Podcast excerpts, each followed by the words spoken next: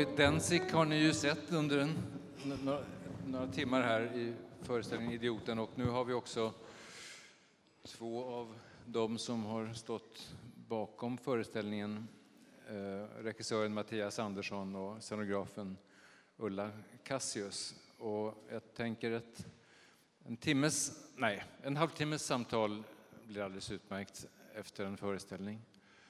Eh, ska vi se på min mobiltelefon. Ja, den stänger vi av sådär. Och jag heter Magnus Florin och är chefdramaturg på Dramaten. Det finns... Jag ska, jag ska ställa första frågan till Mattias. Och det handlar om Dostojevskij och det handlar om begreppet godhet. För du har arbetat med Dostojevskij tidigare i Brott och straff på Backa. Du har arbetat med godhet som tema. Till och med en föreställning som hade godheten i titeln, Acts of Goodness, ja. som jag spelade på Dramaten.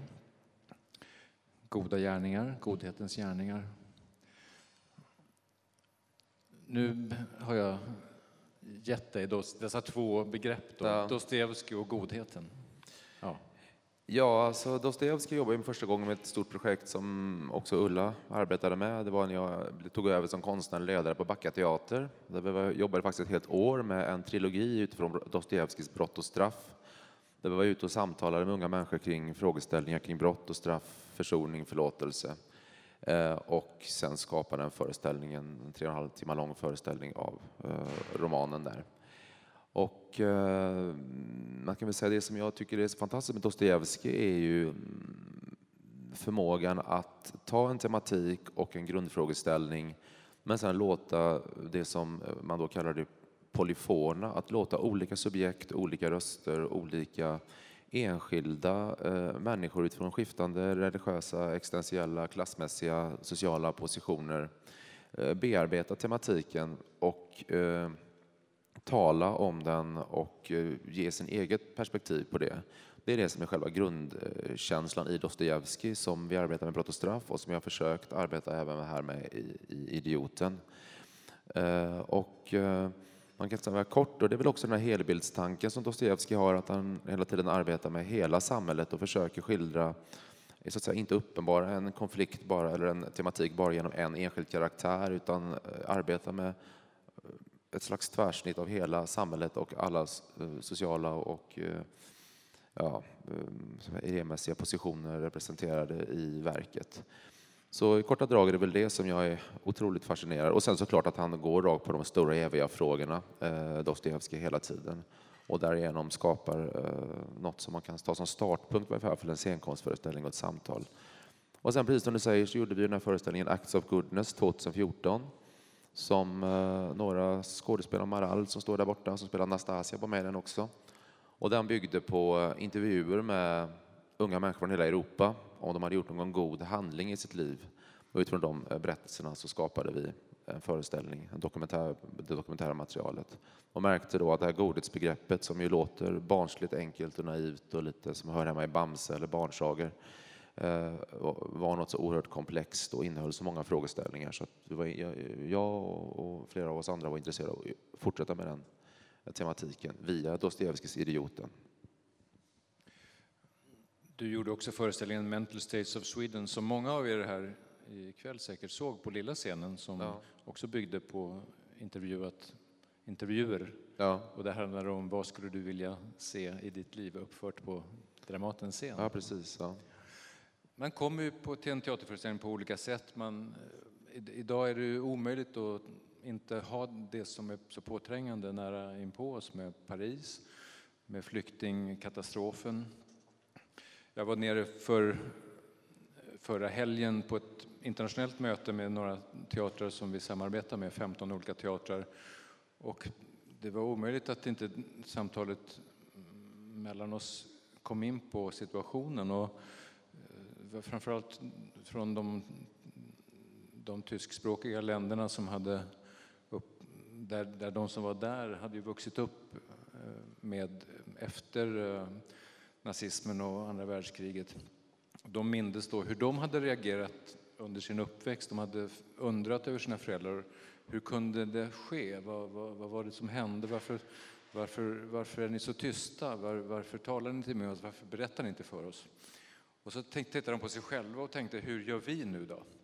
Hur reagerar vi? Vad är våra känslor inför flyktingkatastrofen, Syrien, alla dessa människoströmmar? Ifigenia Taxopolo från Thessaloniki berättade om hur, hur de, de, de öar som förut var stränder för turister och för dem själva där man la ut en filt, det är stränder där man nu ser drunknande barn och tusentals flyktingar som kommer hela tiden. Och hon sa, det finns inget språk för det. Det, det, det, det, verkligheten har ett eget språk som inte vi har ännu ett språk för. Det är ju, det, det är den, den, situationen som den här föreställningen också nu dyker in i. Det är ofrånkomligt att ni, det är så ni arbetar. Det är inte en dramatisering av Dostojevskij på vanligt sätt utan det är att föra in teman som ni avläser hos Dostojevskij till vår tid. Ulla Cassius. Äh förutsättningen för eh, krigen och för flyktingkatastrofen och det vi står inför, förutsättningen för det är ju att vi skapar, eller att det skapas ett vi och dem. Det är ju liksom grunden för alla de här konflikterna. Och jag kan till och med tänka när jag ser föreställningen idag att eh, vi kanske inte lyckas, men vad vi försökte göra var ju att låta en människa dimpa ner på scenen här på Dramaten och skapa en osäkerhet kring vilka som är innanför och utanför och de koder som vi har skapat tillsammans. Och att liksom öppna det samtalet med publiken också på Dramaten här. Och det är ett jätteallvarligt samtal helt enkelt. Som jag ja, som vi inleder och som jag hoppas ska fortsätta efter det här, denna föreställning ikväll. Nu jobbar ju jag med rummet och kostymerna och att gestalta de här personerna. Och det kanske inte syns, men det finns väldigt många val som är tagna kring det där. Hur ser den andre ut när han dimper ner? Hur lik är han oss? Och hur ser de ut som han möter? Hur olika är de egentligen? Och också hur är det med publiken här på Dramaten, i det här rummet, det här guldet som omsluter oss, den här väldigt trygga platsen. Låtsas trygg kanske, men den trygga platsen möter eh, den här platsen som vi, har, vi tillsammans har skapat för skådespelarna och dramat. Och vårt mål var en osäkerhet kring den här relationen. Och det hoppas jag bara att vi har lyckats med. Skådespelarens blick på detta. Eh, du nämnde nu, vi, vi talade om, nej det kanske vi inte alls gjorde, det var min tanke bara, att vi tar Indras dotter och ett drömspel och att dimpa, dimpa ner sa du. Det är vad Indras dotter gör i ett drömspel som du har satt upp på Stockholms stadsteater.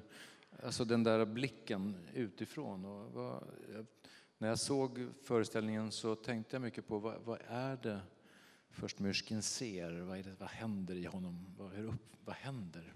Jag, jag har inte gjort mig sådana storslagna tankar kring mitt eget rollarbete som de vi har ägnat de sista tio minuterna åt. Men um, det är kul att de har den klangbotten, tycker jag. Utan jag har försökt att närma mig det här med att en människa som har en kravlös godhet, en godhet gentemot andra människor som inte bygger på några egna motiv. Eh, han gör ingenting för egen vinnings skull upp till en viss punkt.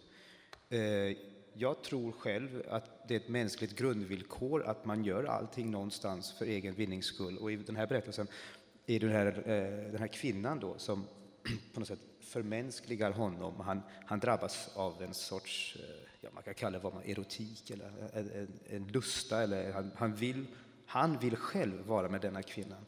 Fram tills han såg den här bilden av henne på, på ett fotografi, då var han nästan en varelse som jag inte känner till. Eh, han, han lånar ju absolut attribut från eh, berättelsen om Jesus Kristus. Alltså, och, ja, man kan ju ha olika uppfattningar om huruvida han fanns eller inte, men, men de egenskaper som vi tillmäter honom idag. Eh, var lite av det som jag försökte och det är, en, det är ett ständigt forskning för min del. Det blir lite olika från kväll till kväll.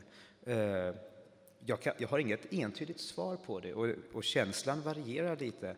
Och jag är inte ens säker på att jag går i land med uppgiften att, att, eh, att vara kravlös i, i början. Och sen är den här, jag tycker mycket om den här scenen med Björn Bengtsson i andra akten när han har blivit förvirrad och har tagit på sig hennes eh, Eh, örhängen och hennes hatt i någon sorts identifikation. Och han säger då flera repliker om att Nej, men jag kom inte för hennes skull.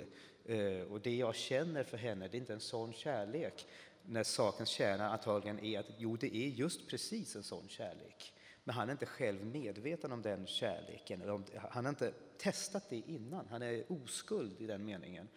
Och, och, och, det är därför jag försöker porträttera honom i den scenen som i att han inte mår så väldigt bra, eller han har hamnat i någon sorts obalans i och med att han har fått en förankring i tillvaron som jag tror är ett mänskligt grundvillkor. Så fram till dess att han förankras i tillvaron så kan han vara god, men så fort han inlemmas i den mänskliga tillvaron så kommer godhetens gränser? Exakt, på, på, på så sätt är han ju en konstruktion, eller en ja. hypotes om en människa. Det, det, finns en scen med Aglaya där hon presenterar sin idé om att de ska åka till, starta ett barnhem. Och ja. Det är en väldigt stark vision hon har och den blir, det är svårt för honom att ta emot den. Jag tycker den väldigt... Det är ett exempel på en kvinna som gör någonting av egna motiv. Hon vill växa som människa, hon vill utforska sig och hon har en idé om att hon gör någonting gott där. Va? Ja, ända tills hon sen flippar totalt och det visar sig att allting var bara ett påhitt och hon skulle gå en teaterutbildning. Men om man stoppar lite innan det då, eh, att, att allt är kravfyllt, all godhet är kravfyllt och alla vill någonting med Myrskin för egen vinnings skull.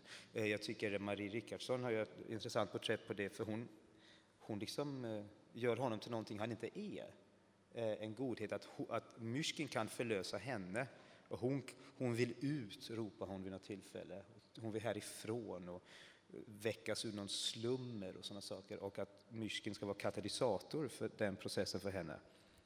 Med andra ord, hon har en egen motivbild. Det går bra att, att fråga, men eh, ett villkor är att man hörs ordentligt med frågan och ett sätt är att jag lånar ut min mikrofon till den som vill komma fram och säga, fråga någonting eller säga någonting. Ja, detta med, ja, just det, bra. Det hörs kanske, gör det det?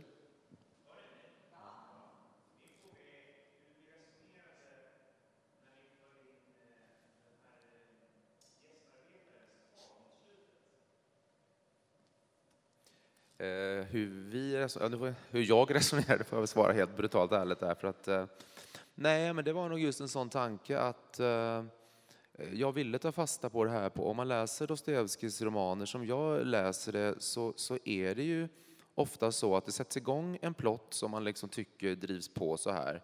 Men sen kan det plötsligt stanna upp och så kommer det någon som har publicerat ett manifest i, i en tidskrift som man ger 40-50 sidor. Någon kanske skriver ett brev, det kan vara någon återblick, någon som har ett långt tal om, om, om en viss religiös hållning. Det finns en sån liksom ryckighet och det är också det som jag sa förut som är det här polyfona. Och eh, eh, tanken med, med, den här eh, gästarbetaren, då, eller Ripollit som den här rollen heter, det var ju egentligen att, eh, att ha en slags att Myskins godhet är kopplad till ett individuellt projekt, att vara god, så att säga mellanmänskligt god. Men att man egentligen skulle vara uppfattningen att det här var en slags parallellt godhetsprojekt som handlar om ett kollektivt projekt, ett politiskt projekt, godhet och så är politiska. Så det var någonstans den parallellhandlingen jag var intresserad av mellan de två stämmorna. Och eh, helt enkelt för att man skulle få in den eh, eh, stämman om tiden idag. Är det ett svar som... Ja. Ja. Ulla, du talar om rummet och jag tänker när du arbetar som scenograf här på stora scenen så är det ju det är inte bara ett rum utan det är ett rum i ett rum. Och det är också en tid i en tid, vår tid men också Dostojevskijs tid. Och berätta mer om dina ingångar i detta. Alltså det, det det som händer på scenen blir på något sätt alltid ett återberättande. Vi berättar liksom en gång till den här historien för er. Men det vi försöker på olika sätt nå är ändå att det ska hända just, just ikväll, just här, just inför den här publiken. Och att, eh, Ja, just i det här rummet just nu. Och då är det ju också så att den här texten försöker också skapa det nuet. När Melinda liksom stiger fram och vi tänder i salongen och hon börjar tala om den här den blicken på det som har hänt fram till dess, då, då skapas det ju, är det meningen, ett, ett absolut nu i rummet där tillsammans med den publiken. En, då, då uppstår en diskussion om Eh, den goda mannen. Liksom. Jag kan väl säga som en kommentar till det här Facebook som Melinda läser upp. Det är ju så att i originalboken så är det ett, ett antal unga nihilister, radikala eh, eh ja, studenter kan man säga, som, som skriver just ett inlägg i en tidning anonymt som sanningssägaren och eh, nästan ordagrant har den eh, argumentationen som Melinda har i sitt Facebook-tal. Självklart har jag ändrat vissa glosor och ändrat det där, men, men det finns i boken precis den eh, eh opponerandet mot, mot honom och ett försök att liksom ja, helt enkelt argumentationen, hur, hur svårt är det att vara god när man är privilegierad eller redan har. Så att det är också återknutet till din fråga där, så, så är det ett försök att få olika sådana stämmor. Jag tror till och med det fanns en tanke från början att, eh, att det skulle vara en historia som man kanske följer genom en person och som man tror ska ta vägen någonstans, men sen att det långsamt upplöses. Och man känner att det skulle lika gärna kunna handla om den personen som den personen som den personen eh, var en tanke som jag hade tidigt också. Som en, eh, en, en, en tanke om människan, så att säga.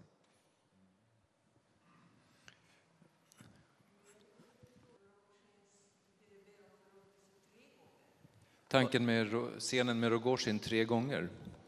Eh, det var nog att skapa en känsla av den här eh, upprepningen i, i våld och konflikter och eh, både på ett liksom, eh, att jag tycker det är en, en, en känsla jag vill åt eh, när man hamnar i en relation som går runt väldigt mycket och fastnar om och om, och om igen i samma resonemang. Man vet inte om det är morgon eller eh, kväll eller om det är man har suttit sent på natten och pratat, pratat, man vet inte vem som sa vad eller vad, när sa man det egentligen, för att få den känslan. Men också en känsla av att det cykliska som sen återkommer i, i slutet i den här Eh, rullstolsburna eh, monolog eh, som Kikki Bramberg gör med våldet som ett evigt kretslopp eller människans konflikter som ett evigt, e, evigt pågående hjul av våld, och sen hämnd och så nya oförrätter och så ny hämnd, ny våld. Att få en känsla av det som bara går runt, runt och att det inte går att bryta det. Så jag tror jag vill iscensätta det som känsla i rummet. Så det var tanken med det.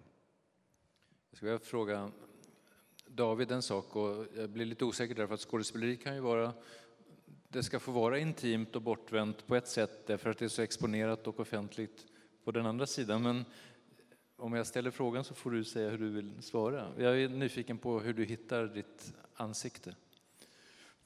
Ja, det är väl det sista man hittar i en process. Det, den stora utmaningen var att göra den rätta analysen av Myshkin och att hitta rätt eh, avstamp i varje scen och, och hitta rätt tonträff.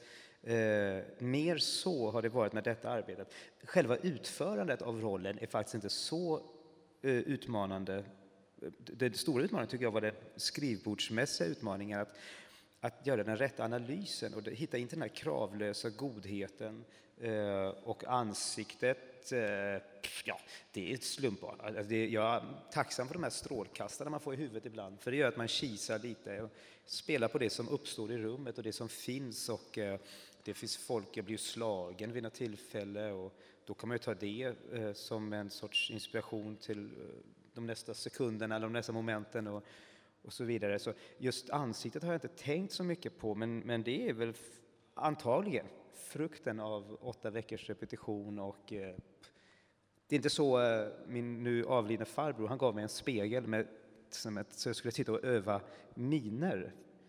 Eh, han var en gammal herre och eh, det var väl så han, han, han trodde att skådespelare jobbar, och det kanske finns någon som gör det. Men jag, har inte, jag är inte så upptagen av spegelbilden enbart i alla fall.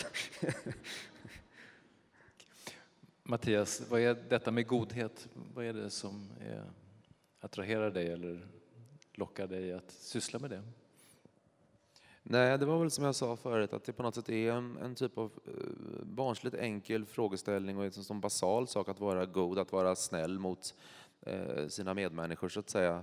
Eh, men just därigenom eh, så iscensätter det då, genom att det är så enkelt så är det lätt att ta det som en startpunkt för en föreställning på olika sätt och iscensätter väldigt mycket i din egen blick på människan. David säger här att han tror att man gör alltid allting för egen vinning. Eh, det, det är liksom ett sätt att se på det. Man kan också prata om det här som jag tycker är intressant, när godheten blir, kanske relation till Nastasja Filippovna, när godheten också finns ett slags eh, beroendeställning där man hjälper och är god, när det blir ett slags också Eh, Eh, någonting som blir ett, ett maktspel i eh, jag är god mot dig och titta nu hur god jag är mot dig. Det är iscensättande av sig själv som god människa och såklart också tron då på finns det liksom en totalt altruistisk, humanistisk, mellanmänsklig godhet. Men jag tror också som samhälle i ett stort så när jag jobbar med Acts of Goodness, eller vi jobbar med Acts of Goodness, så tror jag att det var en känsla av att man har en känsla av att eh, eh egentligen alla de här samhällssystemen som ska reglera den mellanmänskliga godhet, som man kanske i alla fall i Sveriges den svenska berättelsen under större delen av 1900-talet haft en känsla av att det är samhället som ska reglera hjälpen och barmhärtigheten till till exempel någon som sitter på gatan och tigger eller någon som blir sjuk eller någon som hamnar utanför. Jag har en känsla idag att de systemen och också rent flyktingar till exempel att det ska vara stater och samhällssystem som ska reglera det här. Men nu har vi plötsligt kommit tillbaka till ett, en upplevelse i alla fall av tiden att det går tillbaka till att det handlar om att vi som enskilda individer ska göra handlingar av mellanmänsklig godhet på ett individuellt plan. Jag ska överväga själv om jag ska ge 5, 10 eller 20 kronor till tiggaren som sitter utanför 7-Eleven eller ingenting alls. Det verkar också vara som nu mm, folk som åker ner till Lesbos, att det verkar vara hänga helt och hållet på enskilda människors eh, godhet, personliga godhet för att, vi har egentligen ingen känsla av att det är politiska system som reglerar detta och det gör ju att godhetsbegreppet på något sätt har kommit tillbaka i samhällsdebatten eller eh, som i det mänskliga samtalet. Och det tycker jag är, jag tycker inte det är egentligen kanske en positiv utveckling men, men, men det är i alla fall en iscensätter någonting därigenom tycker jag. Ja. Ja. Ja, Varsågod. kombineras. Här har vi en fråga. Ja.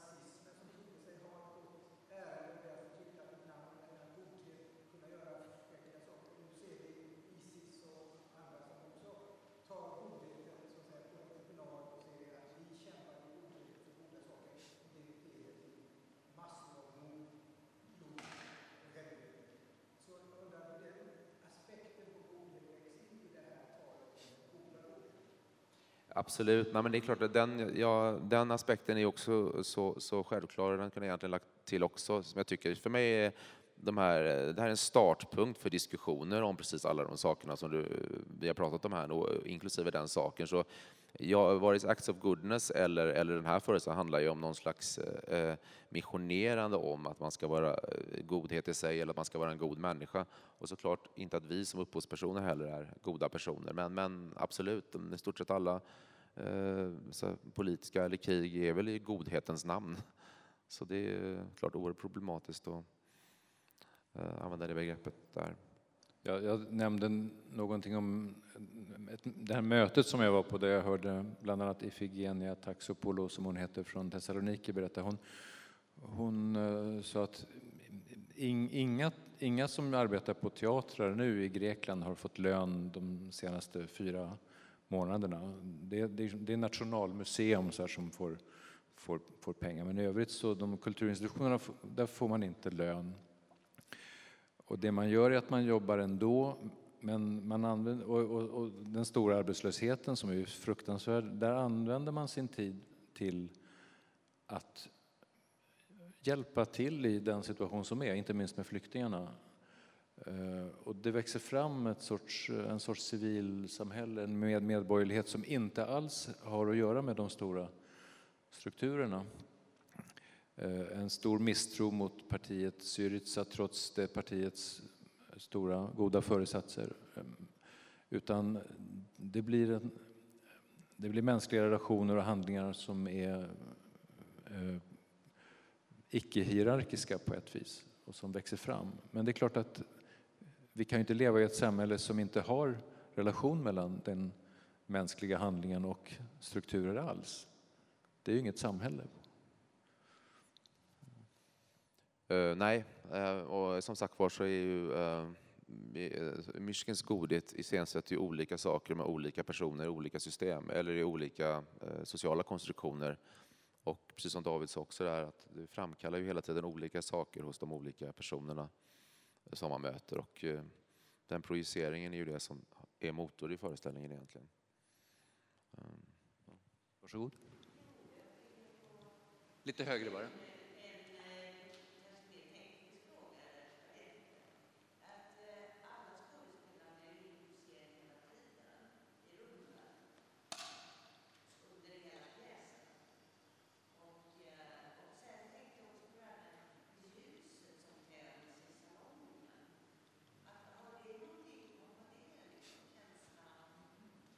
Dels var det en iakttagelse om att alla skådespelarna är inne på scenen hela tiden. Och dels var det detta med ljuset, hur ni arbetar med det också ihop med salongen. Vill du svara? Ulla? Ja, jag kan ju, du kan ju fylla på, men att alla skådespelarna eh, är med och berättar denna historia och att, eh, att den energi som liksom skapas av att de inte lämnar rummet och går och gör någonting annat utan kan lyssna på den som är i aktion och så. Det, det, att det mötet liksom hela tiden också sker på scen, det, det är liksom viktigt för oss. Ehm, och eh, det, det, här ljuset hjälper ju också till att skapa ett rum av det här i vanliga fall delade rummet. I alla fall bitvis så tänds ju både scenen och salongen och då sitter vi liksom i ett rum.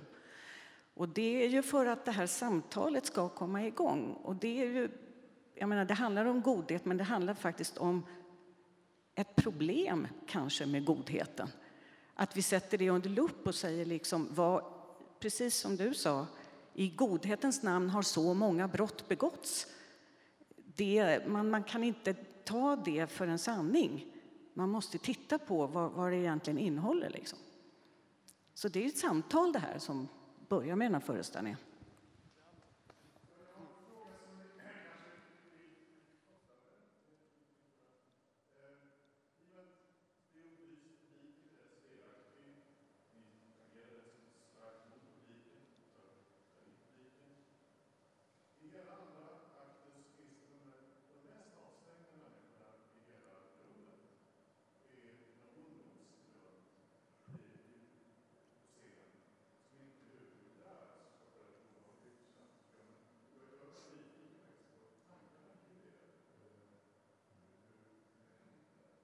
Tankarna om, tankarna om Barn barnen. barnen på scen, ja. Nej, det var en väldigt tidig tanke eh, idémässigt där. Dels så finns ju barntemat väldigt starkt hos Dostojevskij. Han har ju ofta med eh, barnet som någon slags symbol för dels det oförstörda, godheten. Det finns ju kanske klassiskt också någonting med den oförstörda godheten, men också faktiskt övergrepp på barn som oftast kanske inte skrivs ut så tydligt i romanerna, men som finns med som ett brott i många, både Brott och straff och även i, då mot Nastasja Filippovna i den här romanen. Så någonting med barn kände jag väldigt starkt, man ville ha med barn på scenen och att barn på något sätt eh, blir den här bilden av föds människan god eller ond, en sån tankevärld där. Men eh, eftersom jag själv har en eh, 13-årig eh, dotter liksom, och har följt henne med, med de här iPhonen liksom, och sitta med, eh, i alla fall de senaste fem åren bara helt nere i det, så tycker jag bilden av barn idag är väldigt stark det här, den här liksom Eh, eh Eh, sitta ner i det. Och jag tror att egentligen var det väl inte så mycket en ond värld som vi ville att eh, Myrsken skulle stiga ner i, utan det var liksom en avtrubbad värld, kan man säga, en avstängd värld. kan man säga. Och det var avtrubbningen som jag ser som ett större problem. Det är inte liksom en ond värld, en avtrubbad värld. Liksom. Och då kände jag att det blev en mer, liksom, jag ville ha med barn, men jag ville ha en samtida osentimental bild av barn eh, som på något sätt eh, agerar mer så som jag man, man ser det generellt med, med, den avstängdheten. Men också att man skulle få en sluteffekt som var just att när, som ett slags hopp då, eh, när alla de vuxna så att säga överger hans naivitet, ska vi inte vara snälla mot varandra, så tar barnen av sig hörlurarna och eh, han, alla barnen sluter an kring honom. För han säger också det när han är i Schweiz där att han, han umgicks ju bara med barn och eh, av någon anledning. Ja, men det är väl en association också till affischen att, eh, nu nämnde jag själv Jesus alldeles nyss, men det var också, fick en tydlig association i Myrskin-karaktären till det att han är ett barn. Och, och därav också hans, hans bristande könsdrift som då liksom väcks under eh, föreställningens gång. Så, att, eh, så, så ser jag det, eh, att, eh, att det är en bild, inte mer, man ska inte lägga mer i det. Det kan man ju göra, men, men det är bara en sorts association på samma sätt som i, det finns en berättelse när jag eh, reser mig, jag berättar om den här Marie som, som dog av eh, lungsot. När jag sätter armarna ut eh, i någon sorts Jesusaktig, för ett kort ögonblick bara. Och det är väl egentligen bara för att väcka den associationen, eller tänka den tanken, att man tänker, jaha, kan det vara så? Och sen släppa det igen. Va? Uh, därav hörlurarna också som jag har på mig, alltså att uh, det finns någonting uh, gemensamt mellan Myrskin och de här barnen. Ehm, ja, så tänkte jag. Och sen tänkte jag på det här med att tända upp i salongen. Det är ju inte bara om godhet, om ni frågar mig. Alltså det handlar också om teaterformen. Att det här med att skapa detta nu, att på sätt och vis spränga idén om teater, alltså att, att göra någonting som i grund och botten är helt omöjligt. Men att säga, det var också därav ditt eh, band, avspärrningsbandet där ute, att, att det här är ett försök på att påstå att detta kunde äga rum Eh, där ute, eller liksom på tunnelbanan då eller någonting sånt. Eh, sen är det ju en omöjlig ekvation och ännu mer så i allt det här guldet och marmorn och, och så. Men, eh, men det är väl det som jag tycker är, är inspirerande, att på sätt och vis göra någonting som kliver ut ur eh, sin egen form momentant. Avspärrningsbanden, Ulla. Det finns ju ingenting på den här scenen som ni har sett som är av en slump eller det bara blev, utan det är klart att det finns en reflektion hela vägen. Visst? Mm. Avspärrningsbanden då? Ja, fick en reaktion när jag visade modellen, kommer jag ihåg första gången. En av skådespelerskorna sa, ja det ser jättefint ut så här, men måste du förstöra allting med den där bandet, den där tejpen där? Och då, eh, för mig är det liksom det, ni vet, vissa konstverk brukar man ställa en tändsticksask bredvid för att man ska se, eller saker, brukar man, för att veta storleken. För att veta liksom, i förhållande till en människa, hur stort är det här? Och det där, den, där av, den där tejpen är ju en varningstejp som vi har på alla möjliga ställen omkring oss. Här på teatern finns det på väldigt många trappsteg. Man behöver inte gå mer än tre steg ut från scenen så möts man av det där bandet eller den där tejpen, och den ska säga varning, akta. Och den, den, den hjälper mig, det är jätteenkelt, den hjälper mig att liksom placera mig eh, i det offentliga rummet, i det rummet som vi passerar hela tiden. Och att på det sättet eh, bara koppla ihop det med en plats som, är, som jag har omkring mig. Mm.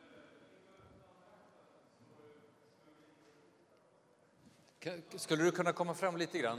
Ska vi se.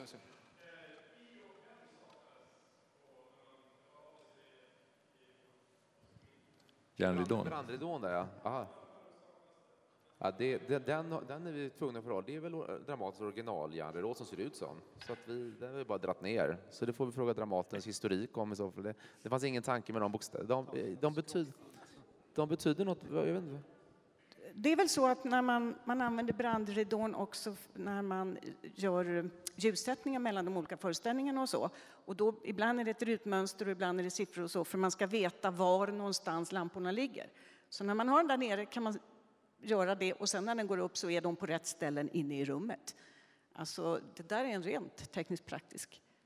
Det är väl antagligen för att I liknar en etta eller något sånt här fånigt. Kan man tänka sig. Tänkte jag nu.